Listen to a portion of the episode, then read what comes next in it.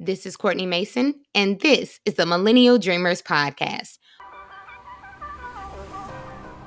Hey, friend, I hope you are doing well. We are just going to cha cha slide right on into today's topic because it is fresh on my mind, okay? Do you all watch the show For Life by any chance? It's on ABC. Um, and if you don't, it's a show based in part on the life of a guy by the name of Isaac Wright Jr. Now, he was wrongfully convicted of a crime he didn't commit, but while he was incarcerated, he became a paralegal and helped to overturn the wrongful convictions of his fellow inmates before proving his own innocence. Now, his story was so remarkable that when he, at some point, I'm not really sure how, he came in contact with 50 Cent, and 50 Cent was enamored by his story. At one point, I believe he considered they considered doing a movie, but 50 said in an interview that he just knew it, two hours or so wouldn't be sufficient enough time to capture um, this story or to help it develop. It needed to be in a TV series so that week by week in different episodes, whether it's 30 minutes to an hour, you can get the full understanding of, of his story and just allow the storyline to um, develop in that way. So he did. They decided to do uh, the series, and now we have For Life, which follows the life of Aaron Wallace, who was also wrongfully convicted of a crime, and he spent about nine years in jail before he became an attorney. And he's also overturning the convictions of some of his inmates, but he's fighting for his own conviction to be overturned. So this show is so good. It is really so good. The acting is fantastic. It's so good that it boils my blood. Like you know, I'm, I find myself yelling objections. I, I try to anticipate what the opposing counsel is going to say, what the judge might do, how the warden's going to act.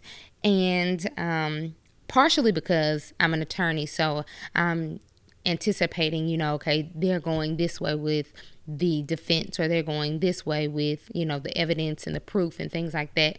So I'm wrapped up in it because I'm familiar with this area and it is more so than just like a, a story about like you know incarceration it's more in my opinion about uh, the law and how that plays out and so i'm very i love the show but it it just really grips me in a way that I really get so wound up by it. And I think a lot of it is because you can clearly see the corruption that goes on. It's a fictional show. It's based um, in part on a true story, but it's a fictional series. So, of course, they embellish, they add different things, but it makes me see the links that people will go to for their own personal gain, for them to get ahead in some way.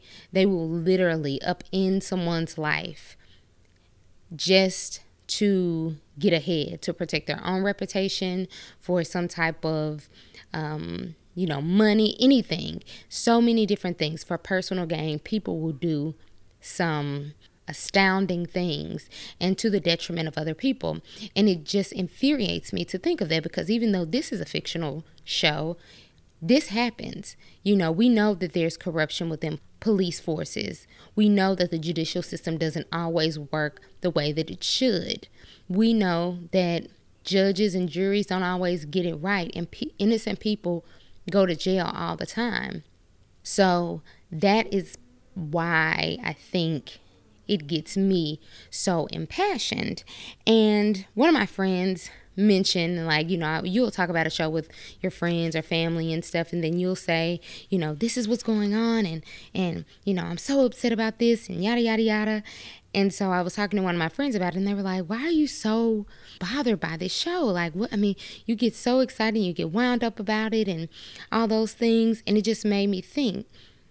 Sometimes what angers you sometimes the thing that without mincing words, that pisses you off might be the gateway to your purpose. We don't always think of that. You know, when people think about their purpose, when they think about the path that they should take, they think about what what do I enjoy doing? What, you know, brings me joy to do this thing? Like, you look at, at it in a way of what you're passionate about, but not in a way of what what upsets you so much to the point where you are almost scared that your efforts won't be enough because it's so big of a thing. Oftentimes, those things might be the gateway to lead you to your path. So don't be intimidated by if someone says or, or be swayed by other people's opinion because they might say, you know, I don't think you should be so so drawn to this or so angered or upset by this, but you should take that that frustration that you feel regarding a topic and decide how you can put that to use. That can be the fuel because sometimes what we're passionate about or what we enjoy, it's not enough to keep the engine going. If you decide to to be a solopreneur or open a business or anything, sometimes just passion enough about or a desire for something or you know whatever that that looks like, it might not be enough to keep you motivated to go, right? You have to tap into your why. What is your why? Why do you want to to fix this problem? Why do you want to serve these people? There's a reason. So is it racial injustice?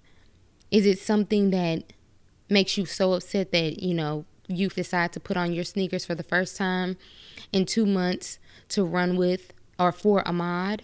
Is it an, something that even beyond that, besides doing your run in solidarity with his family and others who are grieving this loss, you decide that I'm going to also find a way to work within my community to help this from happening in my own local community. Is it age discrimination? Is it because is it something that you know you saw your mom who worked for years for a company and has all the knowledge and all the skill, but she's passed up for a promotion or a new position by someone that's younger that she now has to train. And she tells you the story, but she says, Oh, no, it's okay, baby. I'm still going to go and do my work. But you're so angry about it because you know that age discrimination was what kept her from getting that position. Is it your love and, and um, the feelings that you have for children? that you can't stand to think that in a system of maybe like foster care or children, you know, going in and out of the foster care system, that they're being abused some way, that you want to become a social worker so that you can help with that issue. What is it that angers you? What is it that riles you up? That after everybody else has gone on, everyone else is fine with the scenario and the situation, but it still keeps you up at night.